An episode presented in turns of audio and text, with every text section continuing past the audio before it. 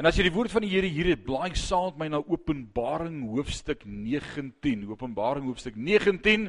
Dis 'n baie maklike boek om te kry en om te verstaan. Hy's heel agter in die Bybel. So dis sommer jy kan baie slim lyk like as jy dadelik daar oopmaak asof jy geweet het waar Openbaring in die Bybel inpas. Heel agter. Om Willie en Tannie Alinda welkom terug na julle lang tog van vakansie. Uh lekker om julle hier te sien vanmôre. En dan staan nou weer 'n klomp wat ons gaan verlaat en gaan vakansie hou. Dis mos die swaalkie gemeente. Lekker. Ek wil ook eendag 'n swaalkie wees. Amen. Openbaring 19. Kom ons skets gou-gou die agtergrond dat ons verstaan waar pas Openbaring 19 in. Openbaring is 'n baie maklike boek om te verstaan. Nie net om te kry nie, maar ook om te verstaan. Openbaring 1 tot 21 baie maklik die volg van die boek Openbaring en as jy hierdie een versie in die Bybel mis oor hoe om die boek Openbaring te lees, gaan jy sukkel met die boek Openbaring. Maar daar's een versie vir ons in hoofstuk 1 en daardie vers is vers 19 as jy jou vinger wil hou by Openbaring 19 en terugblaai na 1 toe. 1 vers 19 119 dis die sleutelvers vir hoe om die boek Openbaring te verstaan. Wie kon sê amen? Nee, julle jok, julle het nie almal geweet nie. Alraight, nou kom ek gee hom vir julle. Openbaring 1 vers 19 sê skryf dan op wat jy gesien het, wat daar is en wat hierna gaan gebeur.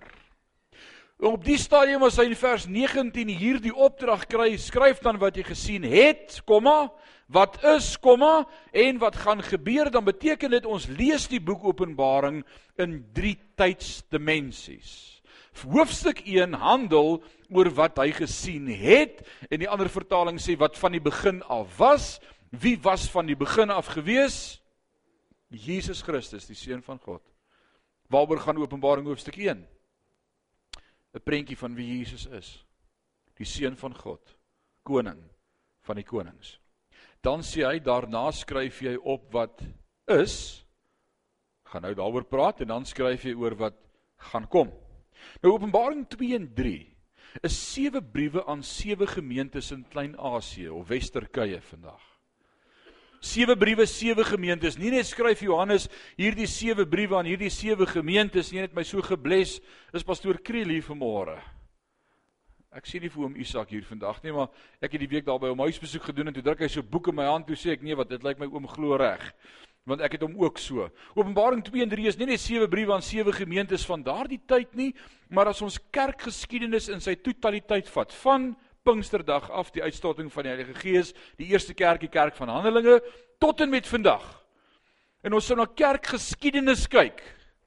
Dan kan jy kerkgeskiedenis indeel in sewe hoofmomente en elkeen is uniek. In elkeen was daar 'n unieke transformasie gewees van die kerk op aarde. Dit lyk anders. En as ek hierdie sewe tydsgrepe in geskiedenis vat, en ek vat die sewe briewe aan die sewe gemeentes, dan volg hulle een vir een op mekaar en is presies die boodskap aan die kerk van daai tyd gewees. Raai by watter brief trek ons nou? Die sewende brief van die sewende gemeente. Wat gebeur na die sewende brief van die sewende gemeente aan die einde van Openbaring 3? Openbaring 4 vers 1 sê en metataute, die Griekse woordjie wat sê en na hierdie dinge, onthou dit, Jacques, na hierdie dinge, hy is nou besig om Grieks te swat. Na hierdie dinge metataute het ek gesien en ewe skielik is die kerk in die hemel. Nou speel Janita Du Plessis se volkslied, die kerk is nou in die hemel en ons is by Christus. Openbaring 4 en 5 is ons by die Here. Die kerk is by die Here. Wat gebeur tussen Openbaring 3 en Openbaring 4? Ons glo dit wat daar gebeur is die latynse woordjie harpatio of raptus, 'n welle Bybelse begrip en dat begrip kry ons reg deur die Bybel. Ons noem dit ons praat daarvan as die wegraping. Alraight. Opgeraap, weggeraap, opgevaar. Die Engels sê plucked away. Dis 'n mooi 'n mooi woord plucked away in een oomblik weggevat. Daar het iets gebeur. Dit was 'n transformasie van die kerk op aarde na die kerk in die hemel. Wie van julle is gereed vir daardie raptoes? Maranatha. Dit sal wonderlik wees as die Here ons kom haal. Terwyl Openbaring 4 en 5 in die hemel gebeur, gebeur Openbaring 6 tot 21 tot 19 hier op aarde, die 7 jaar verdrukking onthou net een ding as jy dink oor die verdrukking. Dis nie die hel nie. Die Here is nie kwaad vir die mensdom nie. Hy's nog nie besig om hulle te straf nie. Inteendeel, dis twee goed wat gebeur, tweeledig. Eerste een is die 70ste week van die profeet Daniël. God deel met Israel. God maak dit vir Israel so warm om hulle. Die missiele vlieg so teen die spoed van sekondes om Israel dat hulle nie anders kan as om God te ontdek in die krisis nie. Die 70ste week. Wat Sadrag Mesig en Abednego die seun van die mens ontdek? In die vuuroond. Dit gaan die vuuroond wees vir Israel. Alraai, dis nie vir ons tyd nie, dis Israel se tyd. Maar God het die mensdom so lief want so lief het God die wêreld gehad dat hy sy enige seun gegee het dat hy die temperatuur bietjie opdraai as te ware oor die aarde en geleentheid gee vir mense om nog steeds hulle te bekeer tot God en uit te roep. Die hartseer is te midde van die twee profete uit die Ou Testament wat in Jerusalem gaan verskyn, te midde van die wonderwerke, te midde van engele wat op en af vlieg in die hemel en die boodskap gaan uitroep. Dit gaan 'n fenominale tyd wees om in te lewe, by the way, vir die wat gaan agterbly, maar ek's nie hier nie. Maar te midde van al hierdie wonderwerke is die hartseer dan dat so min mense nog steeds tot God gaan bekeer. Daar gaan bekerings wees. Ek glo dis die groot herlewing waarvan Joel geskryf het. This is that spoken by the prophet Joel that in the last days I will pour out my spirit on your sons and your daughters. Ons gaan iets daarvan beleef in die groot verdrukking. Maar hulle gaan betaal met hulle lewe. Alraight. So as jy aan iemand die evangelie nou bring en hy wil nie hoor nie en hy hou sy ore doof en hy verhard sy hart, bid vir hom dat eendag nadat jy by die Here is, hy nog steeds sy hart vir die Here sal kan. Dit sal gebeur. Dit sal gebeur. Amen. So nou is ons in Openbaring 19 vanmôre, dis waar ek wil lees. So dis aan die einde van die 7 jaar verdrukking. Vir 7 jaar was ek en jy as kerk van die Here Jesus Christus by hom gewees in die hemel. Dit was die bruilofsmaal waarby ons betrokke is. En nou in Openbaring 19 aan die einde van die groot verdrukking kry hier ons hierdie fenominale stuk skrif en ons weet nie wat om daarmee te doen. Hoekom pas dit nou hier in nie? Want is na 7 jaar in die groot verdrukking. En ek het 'n paar weke terug al vir julle 'n paar keer gesê ek het 'n woord wat ek met julle wil deel en elke keer change die Here my woord. Vanmôre toe sê die Here dis nou die tyd. So, hier kom hy. Ek het lank aan hom voorberei, so hy's baie lank vanmôre.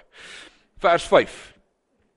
En 'n stem het uit die troon opgegaan en gesê: "Prys ons God al die diensknegte en julle wat hom vrees, klein en groot." Op daai punt wil ek net 'n stukkie geskiedenis met julle deel en dis fenomenaal. Ek is so opgewonde daaroor ons AGS kerk, die Pinksterkerk in Suid-Afrika, is betrokke by die fakulteit teologie aan die Universiteit van Noordwes. Prof Marius Nel het 2 jaar terug al daardie stoel beklee as navorsingsprofessor in praktiese in in Pinksterteologie en Nuupentekostalisme en dit was 'n fenominale deur wat die Here vir ons oopgemaak het tussen 'n klomp doppers. Al die jare se stoere dopper tradisie wat vas lê op NWU is omvergekrap deur 'n klomp apostolies. Hulle is baie kwaad vir ons. Regtig. En toe begin ons hierdie week iets fenomenaals. Op TK vroeër jare toe ons geswat het, om Tom sal weet het ons 'n praktiese sessie gehad Vrydagoggende wat ons kerk gehou het. Een het gepreek, een moes liturg wees, een moes sange lei. Jy moes oefen, jy kerk geoefen op TK. Jy het dit gevrees vir alles jou beurt is om te preek want al die proffies sit daar agter. Ons het Woensdag 12 uur ons eerste Pinkster byeenkoms gehad vir ons Pinkster studente binne in die Dopper fakulteit in NWU. En ons het Here I am to worship gesing. en dit het doodstil geword in daardie gange van tradisie. En ons het gesê ons slag hierdie heilige koei nou. Nou vereer ons die Here met koortjies. En daai studente het gesing Here I am to worship en hulle het gesing in die hemel is die Heer en sy glans is soos kristal. En hulle het hom groot gemaak. Dit was beautiful. En pastoor Tian het gepreek. En 'n ander broer het uh, hy oefen om te preek. Tian staan geop. Hy is ons eerste jaar teologiese student daar by NWU en ons bid ook vir hom dat die Here sy hand oor hom gaan hou. Amen. Tian het ook gister verjaar. Dit was 'n besonderse dag in sy lewe. So kom ons gaan nou aan met vers 6. En ek het iets gehoor soos die stem van 'n groot menigte en soos die geluid van baie waters en soos die geluid van sterk donderslae wat sê: Halleluja. Nou wat is die woord haleluja? Ons het dit 2 weke terug behandel. Bestaan uit twee Hebreëse woordjies wat wat sê? Hallel en Wie was daai oggend hier gewees dat ek Johannes sien? Dit lyk vir my julle was absent. Hallel Jahwe. Wat beteken hallel? Halal. Hallo. Wat beteken halal? Jy kry dit op die blikkies kos en dan dink ons, "O, oh, ek gaan dit nie eet nie, dis opgedra aan." Nee, halal beteken net ons roem, ons spog met, ons verheerlik, ons is trots op. Waarop spog die moslems? Halal. Dat geen mens met sy hande daaraan gevat het en dit onrein gemaak het nie. Dis rein vir jou om te eet. So ek eet dit ook. Dis rein. Loof die Here. Paulus sê moenie navraag doen waar dit vandaan kom nie. Bid daaroor en sê dankie en dan eet jy dit. Nee, that's it. That's the way to do it. Alraai, dis God se manier. By the way, Paulus skryf aan die gemeente in Rome en hy sê vir hulle daai offervleis bid daaroor en eet dit. Petrus sê in Handelinge ek het gesien daar kom 'n kombers uit die hemel uit en toe ek kyk, toe sien ek al die onrein diere. En ek sê Here, wat is hierdie vark? En die Here sê bid en eet. Want wat God rein gemaak het is rein. Ek like bacon. Alraai. So dis skriftuurlik om bacon te eet. Die mense wat in die Ou Testament wil bly, ek sou bly ek's nie meer daar nie. Alraai. So nou hoe van hierdie groot menigte, hulle skree haleluja, hallel Jahwe. Jahwe is ons God, van die begin af was hy gewees, skepper God van die heelal en hulle sê ons roem in ons God. Hallel Jahwe. I'm proud of my God. Dis wat hulle doen. Hulle breek met hulle God. Daar's niemand soos hy nie. Halleluja, want die Here God die Almagtige het die koningskap aanvaar. Laat ons bly wees en verheug en aan hom die heerlikheid gee want die bruilof van die lam het gekom en sy vrou het haar gereed gemaak en aan haar is gegee om te bekleed te wees met rein en fyn blink linne blink fyn linne want die fyn linne is die regverdige dade van die heiliges toe sê hy vir my skryf salig is die wat genooi is na die bruilofsmaal van die lam en hy sê vir my dit is die waaragtige woorde van God Nou wat soek die bruilofsmaal nou eers hier in Openbaring 19? Hoekom lees ons nie hierdie gedeelte in Openbaring 4 nie? Want dis mos hoe ons die Bybel lees, Openbaring 1 wat was, Openbaring 2 en 3 dit wat nou is, die kerk op aarde, Openbaring 4 en 5 ons enig in die hemel terwyl ons daar is Openbaring 6 tot 19 dit wat op die aarde gaan gebeur. En dan in Openbaring 19 kom ons terug saam met Christus op die aarde waar ons die slag van Armageddon gaan plaasvind. Ons is die bruid van die Here Jesus Christus en ons gaan vir altyd saam met hom dan hier heers en regeer. Dis wat Openbaring ons lees. Nou om hierdie stuk te verstaan vanmôre en te weet hoekom pas dit hierin en ook wat het dit so ver vanmôre met die nagmaal te doen want dis nou klaar wat jy in jou hart vir my vra is dis nagmaal. Waar gaan ons heen? bly by my. Alraai, hier gaan ons. Om dit te verstaan vanmôre, wil ek vir jou vanmôre 'n Joodse bruilof gevolg verduidelik. Die Joodse tradisie, die customs, die gebruike rondom die Joodse tradisie en hoe hierdie tradisies ontvou en dan gaan jy vanmôre sien hoe hierdie prentjie inpas. Want onthou in die eerste plek het Jesus vir sy volk gekom. Onthou jy dat die vrou wat na Jesus toe kom en dan sê sy asseblief sal jy my kind gesond maak en dan wat sê Jesus vir haar? "Hey, ek het nie gekom vir die honde nie. Ek het gekom vir die verlorenes van die huis van Israel. Dis nie nou julle tyd nie. Dis nie nou ek ek is nou besig met my huis met Israel, met die Jode." Maar hulle wou hulle nie tot God bekeer nie. En dan lees ons die gelykenis in Matteus 22 van die bruilof en dan sê die Here die eerste keer het hy die het hy die uh sy diensknegte uitgestuur en hulle wou nie kom nie. Die een gesê o, ek het 'n nuwe vrou gevat, die ander een ek het 'n nuwe os gekoop, die ander een ek het 'n nuwe stuk grond gekoop. Ek wil eers kyk hoe werk die grond en honeymoon gaan nou en Want toe stuur hy 'n tweede groep mense uit en sê gaan nooi die genooides. Wie's die genooides? Israel. En dan stuur hulle en dan sê hy en hulle het 'n diensknegte doodgemaak.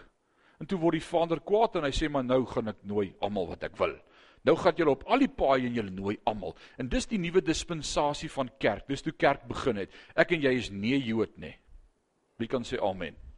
Jy dink dalk jou man is 'n Jood. Hy's nie 'n Jood nie. Alraight. Hy tree op soos een. Alraight. So ons is gered deur genade, ons was heidene, maar dis nou ons dispensasie, die dispensasie van die kerk en vir 2000 jaar sover is dit die dispensasie era van kerkgeskiedenis, Openbaring 2 en 3. Maar wat gebeur dan? Dit is interessant om die Joodse bruilof te verduidelik vir jou.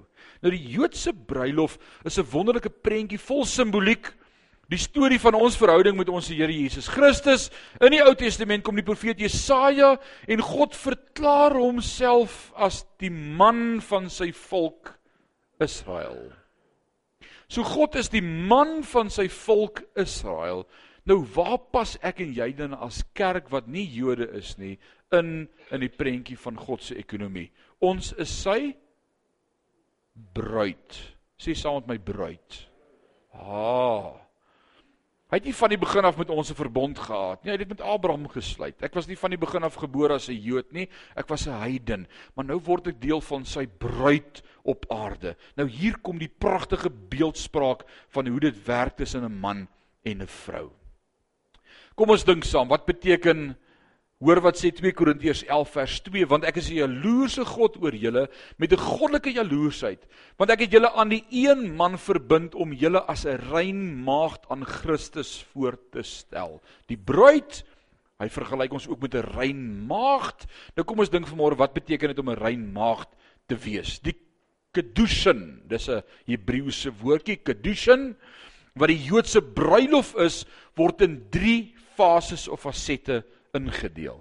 En dit is baie belangrik om te verstaan sodat ons presies ons plek as bruid van Christus op aarde sal verstaan. Die Kedushin het 3 fases gewees. Die eerste fase is die belowe fase. Is 'n seun en 'n dogter word aan mekaar beloof. Ons gaan nou daaroor praat. Die tweede fase dan word hulle later verloof. En dan die derde fase is derdens word hulle getroud. Alraai, daar's 'n huweliksfase. Belowe, verbond, huwelik. Heel algemeen en gereeld sal kinders reeds voor geboorte aan mekaar beloof word as huweliksmaats. Dis die gebruik in Israel onder die Jode. Inteendeel op die ouderdom van 2 tot 3 jaar is hulle reeds aan mekaar beloof en weet 'n seun gewoonlik klaar met wie hy gaan trou eendag. Die paas het dit gereël. Inteendeel in Israel sê die volwasse mense 'n huwelik is heeltemal te belangrik om op te mors. Daarom sal ons kies. Jy los nie 'n kind om sy eie lewensmaat te kies nie. Wat weet kinders van kies af? Ons sal vir hulle kies. So op ouderdom van 2, 3 jaar is 'n seun en 'n dogter reeds aan mekaar beloof. Ons het 'n deal gemaak. Alraight. Ons het 'n ons het 'n agreement tussen mekaar. Ek probeer nou net hier rondkyk vir iemand wat 'n dogter het. Ek wil Christian op die spot sit, maar hy Waar's Christian? Waar is daar? Alraai, hier is Pieter en Judy. Alraai, you know. En en ek en jy, ons het mekaar uitgekyk. Ek en Aline het gepraat en gesê, "Jesus, maar die Rodes, ek dink hulle is finansiëel sterk." En uh hulle het dalk na ons gekyk en gesê, "Jong, ons weet daar nie so mooi van die van Zandwyks nie, maar ons kan 'n plan maak. Hulle werk daarin vir die Here."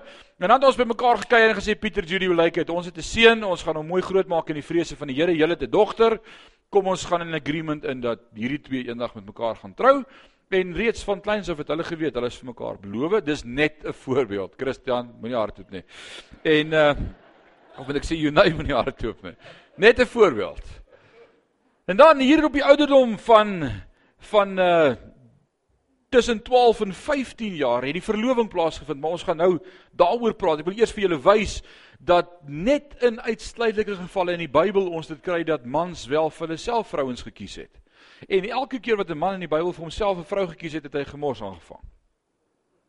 Net om vir jou te wys wat die Joodse tradisie is en hoekom die paas dit gedoen het. Uh onthou julle vir Samson? Ja, julle julle onthou vir Samson, een van hy was een van daardie gewees en en en die Here het hom eenkant gesit en gesammens en gesê jy drink nie sterk drank nie, jy sny nie jou hare nie, jy lol nie met ander volke se vrouens nie, jy's 'n Hebreër of of ja, jy's eenkant set aside. Jy behoort aan my. En toe wat doen Samson?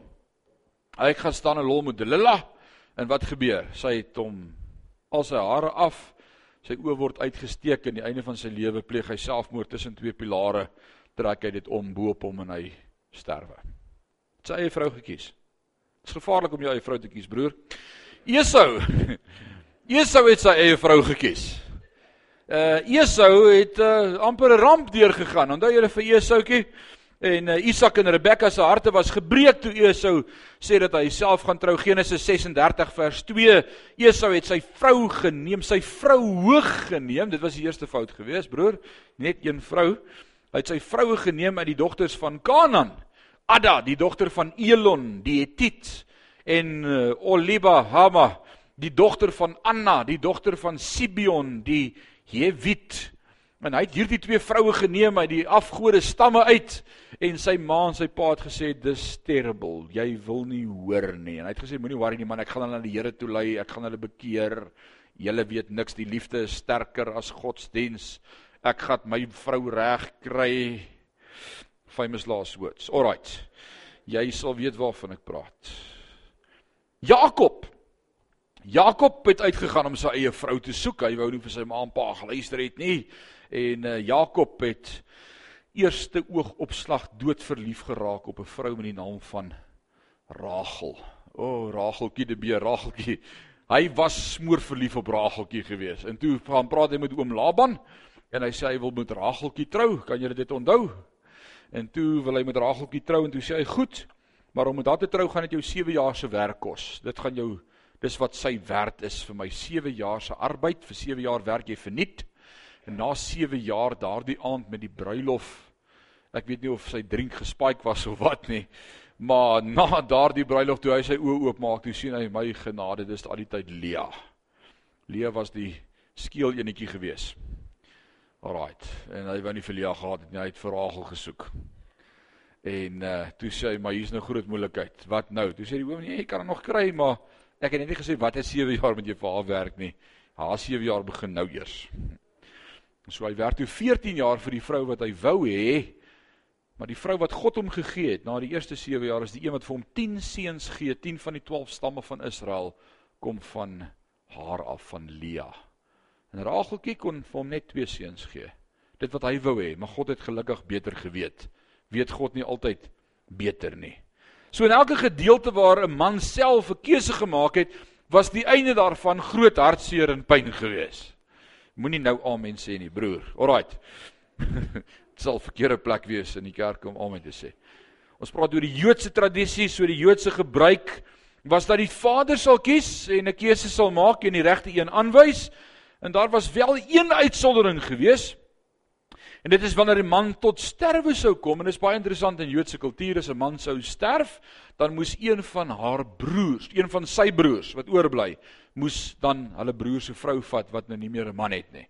So dit maak dit interessant as ma en pa besluit het jy trou met Pietie, dan die broers ook gesê gehad om te sê nee, maar ons sien nie kans vir haar nie. Kan ons nie 'n ander keuse maak nie. Alraai. So hulle het ook inspraak gehad. Dis baie interessant, die Joodse broers. OK, om te sê hoorie maar, is daar nie dalk iemand anders vir hom nie. OK, want ons gaan nie kans sien. Dit was die Levitiese wet gewees. Met ander woorde, dit was die waarborg dat sy nooit alleen sou wees nie. Dit beteken dat as 'n seun op trou gaan kom en ma en pa het gereël dan die broers ook gesê gaan. Nou volgens die kedushin, die bruilof verloop, kom daar dan die volgende fase, die verloving. So reeds op jong ouderdom 2, 3 is hulle aan mekaar beloof is hulle vasgemaak, dis gereël. Maar nou word hulle groter en tussen die 12de en die 15de jaar van die verloving plaas. Baie interessant dat op die ouderdom van 15, 16 was die seuns in Israel reeds getroude manne gewees. Ek gaan nie weer daaroor praat ek het nou die dag dit so vinnig genoem oor wat dink jy was die ouderdom van die disippels gewees van Jesus?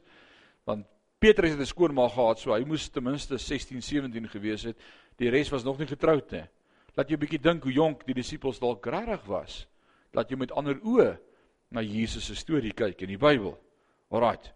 Kan jy onthou die evangelie van eh, van van uh, Maria, die evangelie verhaal wat aan Josef Josef verloof was en sy was meer as waarskynlik tussen die ouderdom van 12 tot 15 toe sy en Josef van mekaar verloof was. En dan op die ouderdom van tussen 12 en 15 het hulle vir die eerste keer by mekaar gekom. En wat sou gebeur het op hierdie geleentheid tussen die ouderdom van 12 en 15? Rico, kan ek vir jou vra om vir my daai tafeltjie vorentoe te bring asseblief? Sal jy hom vir my kan dra? As hy hy's baie swaar. Awesome. Sit hom vir oom hier neer. Net hier langs hierdie kansel. Beautiful. Right. Kom ons sit hom hier bo. Kan almal die tafel sien? Nee, die agterstes gaan hom glad nie kan sien nie. Dis net 'n gewone tafel, okay? Hy is nog blank. Ek gaan nou iets op daai tafel sit en gaan jy sien wat gebeur.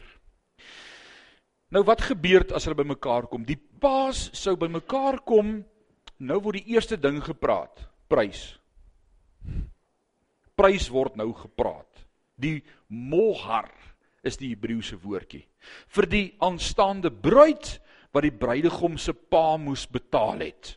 Soms sou hierdie 'n lang proses gewees het van negotiations. Hulle moet nou eers uh, jy dink Lebola se nuwe ding, dis kom ouer as Lebola.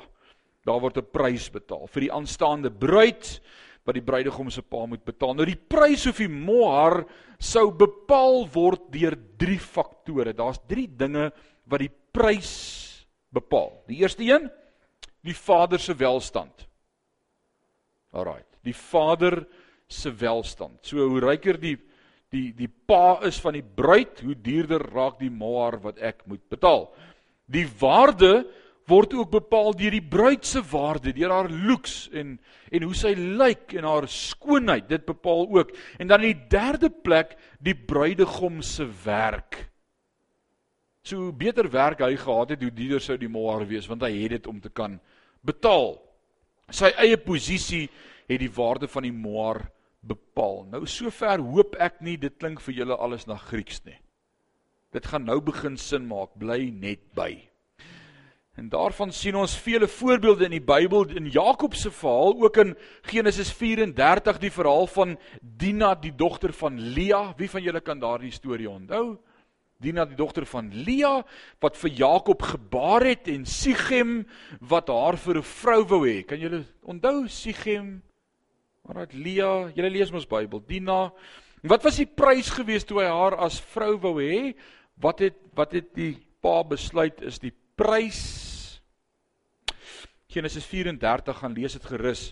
Die prys was dat die hele mans, al die mans van die stad besny moes word.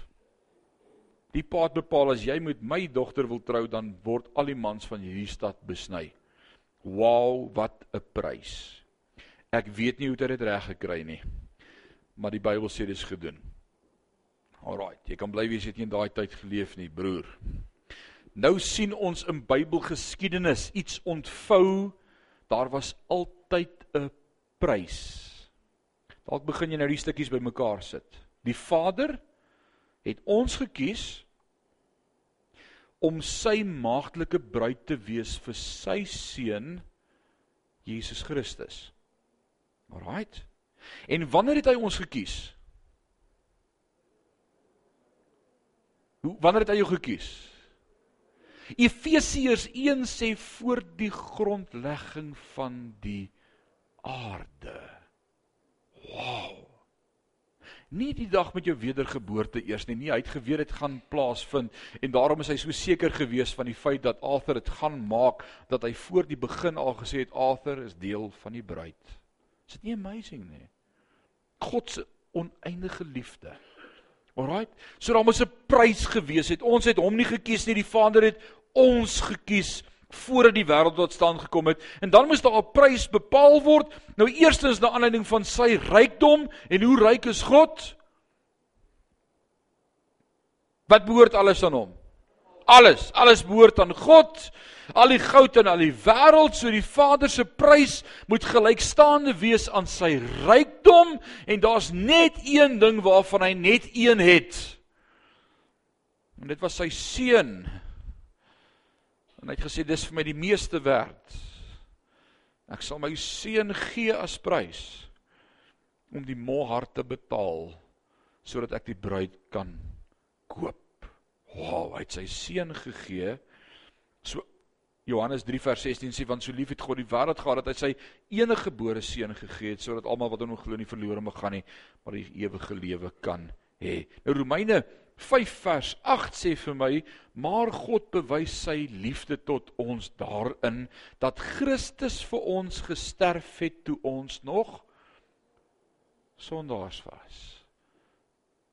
So die prys, nou hang vas. Ek wil ek wil iets doen hier by die nagmaaltafel. Ek wil hom so lank oopmaak dat jy kan die prentjie sien ontvou. Kom ons maak so. Want ek wil hê van nou af as jy na hierdie nagmaaltafel kyk en jy sien die brood dan moet jy vir jouself sê dit was die prys. Dit was die moar sodat ek kon deel word van die bruid. Om my te kon koop het dit sy lewe gekos. Wow, dis amazing, is dit nie? Dit was die prys vir my. Dit was die prys vir my, dis die moar. Dit het die Vader 'n prys gekos. Tweedens, die waarde van die bruid het 'n effek gehad op die prys, my waarde en jou waarde. Nou hoe word ons waarde bepaal? Wel hierdie eh, Robynse storie word geskryf, dis opgeteken vir ons in die Robynse geskiedenis. Wat beteken dit? Die rabbies deur die Hebreëse geskiedenis, deur die geskiedenis van Israel, het hulle eie storieetjies neergeskryf in die Robynse geskrifte. Dis in hulle boeke ingeskryf wat die rabbies lees. Daar by die klaagmuur as jy ooit daar sou kom en jy sou daar links ingaan teen die klaagmuur af daar binne sit daar 'n klomp sulke klein joetjies met missies op hulle koppe wat leer. En daar soek 'n ou rabbi wat hulle leer. Het jy dit gesien? As jy daar. Beautiful nou daai klomp boeke in daai kas is die Robynse geskrifte daar word hierdie storie opgeteken in die Robynse geskrifte van 'n man wat 'n vrou wou vat wat regtig regtig regtig erg lelik was Ek weet mense kry nie vandag se tyd lelike vrouens nie, glad nie. Maar hierdie man het 'n verskriklike lelike dogter gehad. En hy het nie geweet wie gaan ooit met sy dogter wil trou nie. Hy was so bekommerd dat sy op die rak gaan sit, soos ons nou in ons boeretaal praat, né? En, en hy het gedink, ek weet nie of iemand ooit met haar gaan trou nie. Wel eendag kom daar 'n man aan, ek weet nie of hy 'n vrou kon kry nie, maar hy kom toe na die pa toe en hy sê ek wil met jou dogter trou. Die ou is so bly, hy wil met sy dogter trou. Hy sê jy kan haar kry. Hy sê maar ons moet praat oor die mohar. Die pa sê nee, ek dink nie dis nodig nie. Hy sê maar ek het gespaar. Die pa vra wat het jy gespaar? Hy sê ek het 6 koeie saamgebring. Dis al wat ek kan bekostig oom. 6 koeie. Hy sê ek vat dit graag van jou af. Jy kan my dogter sommer nou kry. Ek dink hy was bang hy bring haar terug. So vat hy haar toe en hulle is uit die dorp uit en hy's happy met ses melkkoeie. Skielik is daar 'n paar liter melk en hy begin 'n klein besigheidjie op die dorp. Hy is nou die melkman.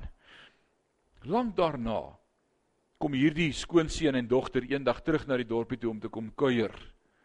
En groot was die dorp se verbasing toe sy in die dorp binnekom en hulle sê maar hoekom lyk jy so anders? Daar's 'n skoonheid en jy's mooi geklee en is is dit reg? Is dis dis dit sê? Hulle vra vir wat lyk anders aan jou? Wat is anders aan jou? En dan so verleë lag jy en dan skryf die rabbies haar antwoord was wel ek was ses koeie werd. Hm. Wat was jy werd? Broer, suster, Jy was die seun van God werd. Hy het homself vir jou gegee. Jy's nie useless nie, jy was nie 'n glips nie. Jy was nie 'n fout nie, jy was nie onbeplant nie. Hy het jou naam geken voordat jy daar was. Hy het gesê ek gaan my lewe vir jou gee. Jy's die seun van God werd. Hy het sy lewe vir jou gegee. In die oomblik wanneer ek en jy besef wat ons waarde is, verander ons.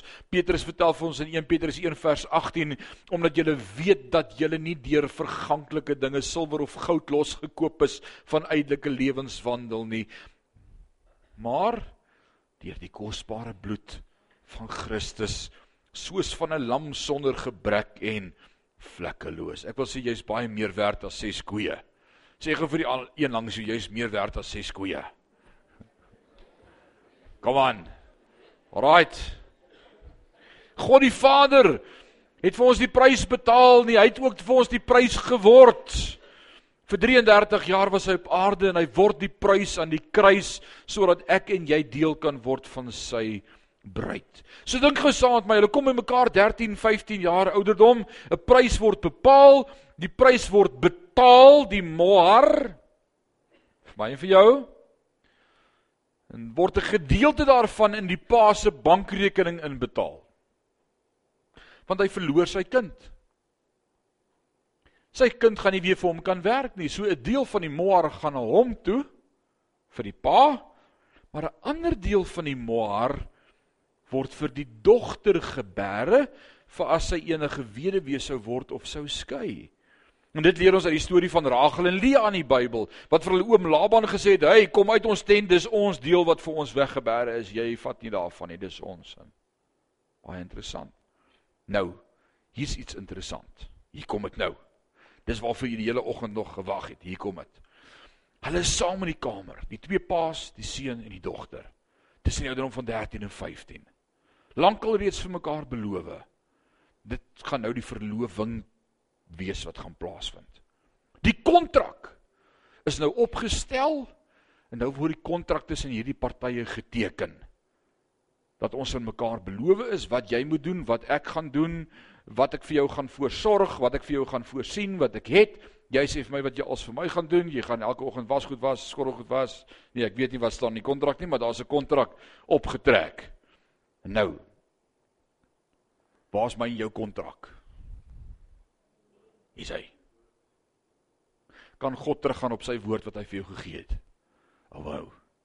Hierdie kontrak sê vir my wat moet ek doen om deel te wees van die bruid? En hierdie kontrak sê vir jou wat hy doen as bruidegom vir my en wat hy gaan doen. Dis amazing. Party ouens weet nie wat is die waarde van die Bybel van die woord van God in hulle lewe nie. Dis die kontrak. Dis iets set in stone, dis opgeteken vir ons. So hulle plaas die kontrak op die tafel. Kom ons sit ons kontrak hierso op die tafel. Nou die kontrak se naam in Hebreëus is die tenin. Daar's die tenin, die kontrak. Daar's die mohar, die prys. Die prys is betaal. Die kontrak is geteken. Nou gebeur daar 'n interessante ding. Die ooreenkoms saam met die geld word op die tafel geplaas. Nou dat die kontrak geteken is en die gedeelte van die geld betaal is as deposito, En dan vir die eerste keer tussen die bruid en die bruidegom neem hulle 'n beker. Oh, wat doen hulle met die beker? Elkeen neem 'n sluk daarvan. En as hulle albei van die beker gedrink het, is hulle amptelik verloof. Die bruidegom neem die beker en die bruid neem die beker. En dis die prentjie van die verloving. Ons is aan mekaar beloof. Nou sien nog bietjie in die vaag. Hier kom hy. Wat gebeur in Johannes 13 in die boefretrek kan julle onthou wat daar in Johannes 13 in die boefretrek gebeur het Dis die laaste Pasga Paasfees. Jesus sê vir twee disippels gaan dek die tafel, kry dit reg, ek kom.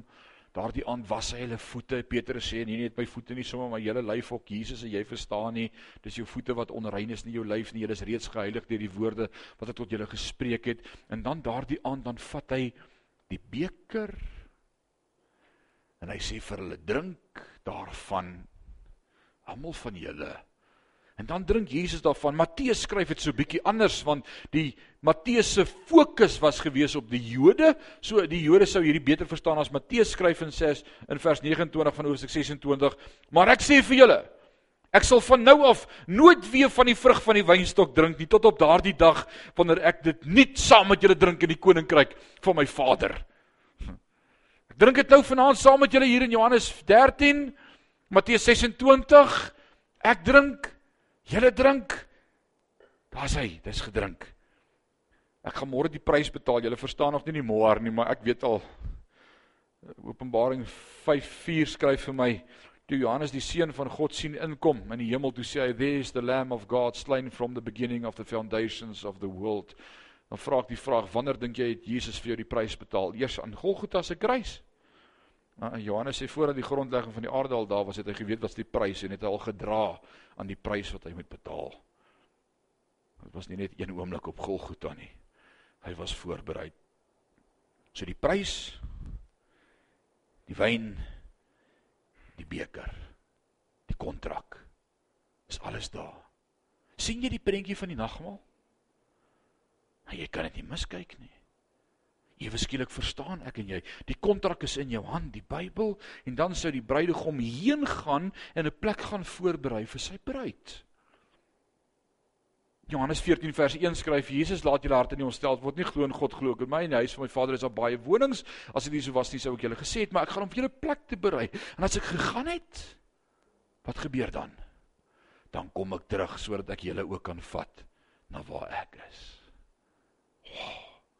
so wat het Jesus nou gaan doen hy het vir ons gaan plek berei kom ons kom terug by die Joodse tradisie wat gebeur As die paas daar uitstap saam met hulle seun en hulle dogter, dan sê die pa vir sy seun so klap op die skouer, jy's nou amptelik verloof, jong man. Nou beter jy vir jou vrou huis gaan bou. Kom. Pa wys jou hoe, pa het jare se ondervinding van ma se gemoun. Ek weet presies wat sy vrou wil hê. Alraai, jy gaan nie dieselfde foute maak as ek nie. Ek gaan jou wys. En dan in Israel sal jy sien dat die huise bo op mekaar gebou word. Dis een familiewoning. Oupa Grootjie bly onder as hy nog leef, dan oupa, dan pa, nou ek gaan hier bo op my huis bou. As oupa Grootjie doodgaan dan trek ons almal af, want ons weer spasie hier bo. Alraight. So ek moet my huis nou hier bo op kom bou. Dis nou dubbel verdieping. Nou kom pa elke dag daar, dan kyk hy wat ek bou, dan sê hy nee jong. Wat ek nou sommer vir jou sê, breek nou hierdie muurtjie af. Jou vrou gaan vir jou gas gee vir die res van jou lewe hieroor. Dis skeef. Vertrou vir my, ek hoor dit by jou ma. Breek af die muur en bou hom oor. Maak dit groter, maak dit beter. Maak so, maak so nee, jou vrou gaan nie hiervan hou nie. En hy's besig om die heeltyd sy seun te adviseer oor hoe om die regte plek te bou vir sy bruid. Is dit nie pragtig nie? So, wat gebeur dan?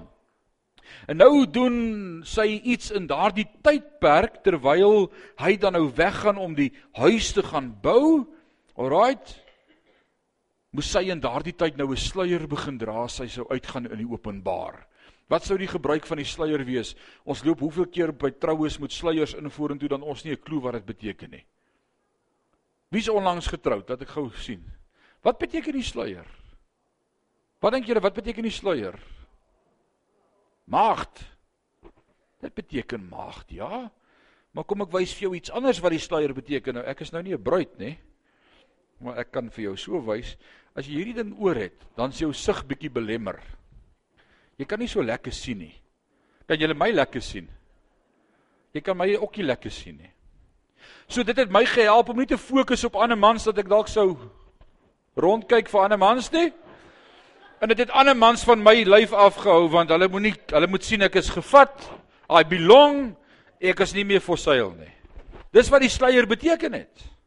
Een van die tradisies wat ons nie eers weet hoe kom ons dit doen nie. Right, so sy sou as sy uitgaan met 'n sluier aan hê en dan sou iets gedoen het, sy sou werk aan haar trourok. Sal wat sy nou doen. Sy fokus nou op haar bruid wat haar bruidegom wat haar gaan kom haal. Sy kyk na haar trourok. Wat is ek en jy mee besig terwyl Jesus vir ons 'n plek gaan berei het en ons beloof is as sy bruid. In hierdie wandel, in hierdie lewe is ons besig met heiligmaking. Ons is besig om in gereedheid te kom sodat as die seun van God ons kom haal, ons gereed sal wees. Jy's besig om te werk aan jou trourok. Broer, jy werk aan jou trourok elke dag. Dis baie weird. OK. Gaan lees gerus Jesegiel 16. In Johannes 14 vers 2 sê ek gaan hom vir julle plek te berei so terwyl die seun dan gaan. En nou wat gebeur? Die oomblik wanneer die pa vir hom sê ek's tevrede. Die oomblik as die pa sê ek is tevrede dan gebeur daar 'n ding. Right? En nou kan die bruidegom sy bruid gaan haal. En daardie vertrek van die bruidegom sou deur 'n trompet aangekondig word. Wat beteken dit? Hoekom blaas die trompet hier by die bure? Pa het gesê die seun kan sy vrou gaan haal. Hy's happy met sy huis. Daar gaan enige basuin blaas wat my en jou gaan oproep na die hemel in Openbaring 4 vers 1 wanneer God die Vader vir die seun sê, dis tyd, gaan haal die bruid. Wat sê Jesus? Wie ken die uur en die minuut? Andrei, wie? Niemand nie, behalwe Net die Vader weet wanneer is die tyd reg. Vader, is dit nie awesome nie? Nie eers Jesus weet wanneer is sy werk klaar nie. As die Vader sê, "Hey, gaan haal jou bruid," dan sê die engel, "Dan moet ons gereed wees om die Vader tegemoet te gaan." So wanneer kom ons bruidegom? Jesus sê, "Niemand weet die tyd nie behalwe die Vader." En wat gebeur dan as die tyd naby is? Begin die bruid haarself regkry en skoon kry en aantrek. En as die bruidsparty begin, hulle regkry vir die bruilof. En gewoonlik het die bruid al die bruilof het gewoonlik op 'n Dinsdag plaasgevind op 'n Dinsdag. Hoekom? Want Woensdag is die troue. Dinsdag het sy al begin regkry. Woensdag sê die troue wees in Israel, want Donderdag is die hof nog oop. Vrydag is die hof gesluit. So as hy Woensdag aand uitvind hierdie vrou wat ek vir my gevat het hoeveel jaar terug het nie haarself rein gehou vir my nie, sy's nie meer 'n maagd nie. Sy het my gedrop. Dan kon hulle daai volgende dag 'n skeybrief gaan kry. En sê sy het nie haar deel van die kontrak gehou nie. Ek is uit. Daar was iemand anders in haar lewe. Dis interessant. Ek wonder as dit vandag moes gebeur, né? So die bruid kry haarself gereed, die vader kyk na die woning, hy stuur die seun, daar's 'n trompet wat roep. Sy het haar trourok aan en dan gaan sy uit na die straat toe en haar bruidegom kom na haar toe. En nou gaan die bruidspaar, net die bruid en die bruidegom, En hier gaan jy die hele uitleg van Openbaring verstaan. Hier kom dit nou. Net die bruid en die bruidegom gaan vir 7 dae in die binnekamer in vir intimiteit. Vir 7 dae is net die bruid en die bruidegom bymekaar. Noem dit honeymoon as jy wil, ek weet nie. Klink vir my vir 7 dae. En dan vir 7 dae is die gaste nog besig om hulle reg te kry en nader te kom en op die 7de dag dan vat die bruidegom sy bruid se hand en dan bring hy haar uit na die gaste toe wat genooi is na die bruilof toe. In Openbaring 4 is wanneer die kerk saam met Jesus in die hemel vir 7 jaar weggesteek word vir intimiteit. Terwyl ons 7 jaar daar is, word die gaste bymekaar gemaak. Dis die wat tot bekering kom, die wat met hulle lewe betaal op aarde. Hulle kom in die hemel aan een vir een met die spoed van wit blits. Hulle hulle word meer en meer en meer en meer. Daar's 'n menigte, maar hulle was nie deel van die bruid nie.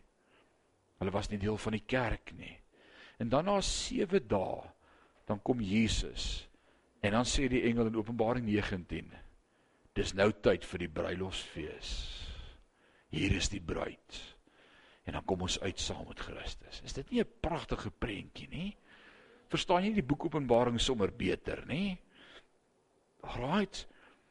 Nou Romeine 13 vers 14 sê: "Maar bekleë julle met die Here Jesus Christus en maak geen voorsorg vir die vlees om sy begeerlikhede te bevredig nie." En dis hoe ek en jy ons reg kry vir die bruilof.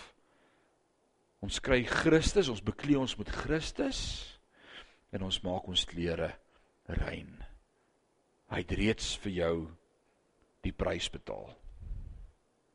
Sy seun Jesus Christus vir jou en vir my. Hy het reeds vir ons die kontrak gegee. Is elke woord geskryf. Kan nie teruggaan op sy woord nie. Andrei en die beste is hy sê in hierdie kontrak al is jy ontrou ek sal getrou bly. Wow. Here, maar ek het foute gemaak toe u weg was. Ek het gedink u gaan nie terugkom nie. Ek het rondgekyk. Ek het 'n slip-up gehad. Dis oukei. Okay. Ek het jou lief met 'n ewige liefde. Dis oukei. Okay. Ek is God. En dan en dis hoekom ons die opdrag kry om so dikwels van hierdie beker te drink as wat ons kan. En dis wat Paulus vir ons skryf in 1 Korintiërs 12. Hy sê so dikwels as wat julle hier van hierdie beker drink, van hierdie brood eet, verkondig julle die dood en die opstanding van ons Here Jesus Christus. Wat wat beteken dit as ek vandag aansit aan die nagmaaltafel en ek vat 'n sluk van hierdie druiwesap of daardie kelkie? Ek sê Here,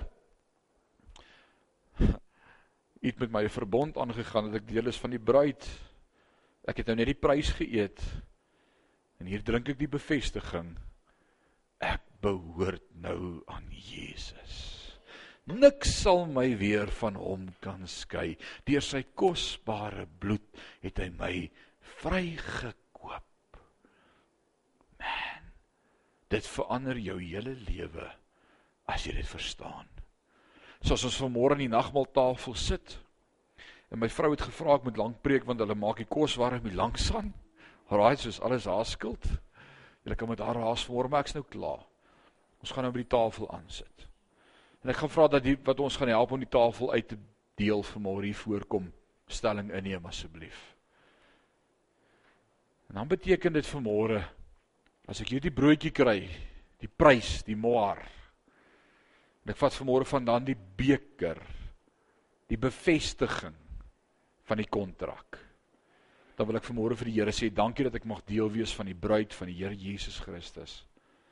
Dankie dat U iets vir my betaal het. U het Uself gegee as prys vir my. Die beker U daarvan gedrink toe op die aarde was en gesê sal nooit weer drink totdat ons saam by U is eendag in die hemel nie. Ek her, ek onthou dis wat gaan gebeur. Dankie daarvoor. En mag die nagmaal jou vanmôre uit jou skoene bless. Uit jou skoene bless vanmôre. Soos ons vanmôre hierdie tafel As ons vanmôre hierdie tafel Pieter as jy daai kant vir ons sal hou asseblief. Die prys wat vir ons betaal is. Walter sal jy daai kant hou vir die ouens. Dis die prys wat betaal is vir my en vir jou. Jesus Christus het gesê dis die prys, my seun. Dis die volle prys. As ons vanmôre van daardie prys eet, dan wil ons vanmôre sê dankie dat ons kan herinner word aan die prys wat dit u gekos het, maar ook dat dit vanmôre vir my sê wat ek werd is. Dalk sukkel jy vanmôre om te glo jy's iets werd of God het 'n plan met jou lewe of hy so pad met jou, dan sê hierdie broodjie vanmôre, "Hey, jy was my alles werd." Hou op minder waardig dink van jouself. Jy's myne. Ek het jou betaal. Jy behoort aan my. Dankie vir die brood. Dankie vir die liggaam. Mm.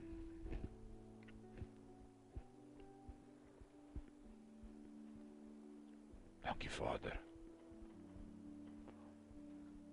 Dankie Vader. En as jy vanmôre 'n sluk vat van hierdie beker, dan sê hierdie beker vanmôre jy is deel van van 'n belofte.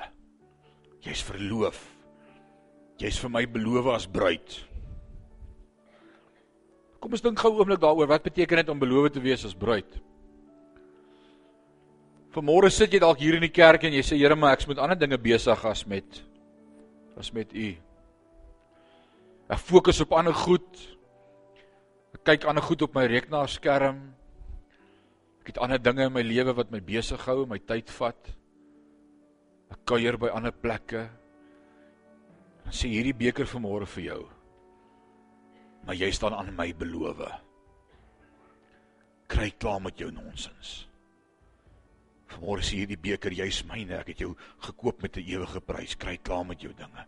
Jy's myne. En as ek vanmôre hierdie kelkie vat, dan moet ek dalk eers sê. En dis wat Walter vanmôre gesê het voor die tyd. I'm sorry Lord. Maar dankie dat U my liefhet met 'n ewige liefde. Sorry. Dat ons so maklik fokus op ander goed. Vergeet van U. Ek behoort aan U. Here, dankie vir U bloed. Dankie dat ek aan U behoort. Dankie dat U terugkom om my te kom haal. Dankie dat ek U bruid is. Ekskuus dat ons ons besig hou met ander dinge in ons lewe. Vergeet dat ons moet besig wees om ons trourok gereedheid te kry vir die koms van die seun, Jesus Christus. Vergewe ons, Vader. Dankie vir u bloed. Dankie vir vergifnis. Dankie vir bevestiging. In Jesus naam. Amen. Dankie. Deel vir ons dit uit. Word so oomblik stil as jy daardie broodjie kry en sê vanmôre vir die Here dankie vir die prys. En as die kelkie kom, vir die beker, Dan praat jy so oomblik met die Here oor waarmee jy jou besig hou. Dankie vir die bevestiging vanmôre van die verloving dat ons aan hom behoort. Amen. Amen.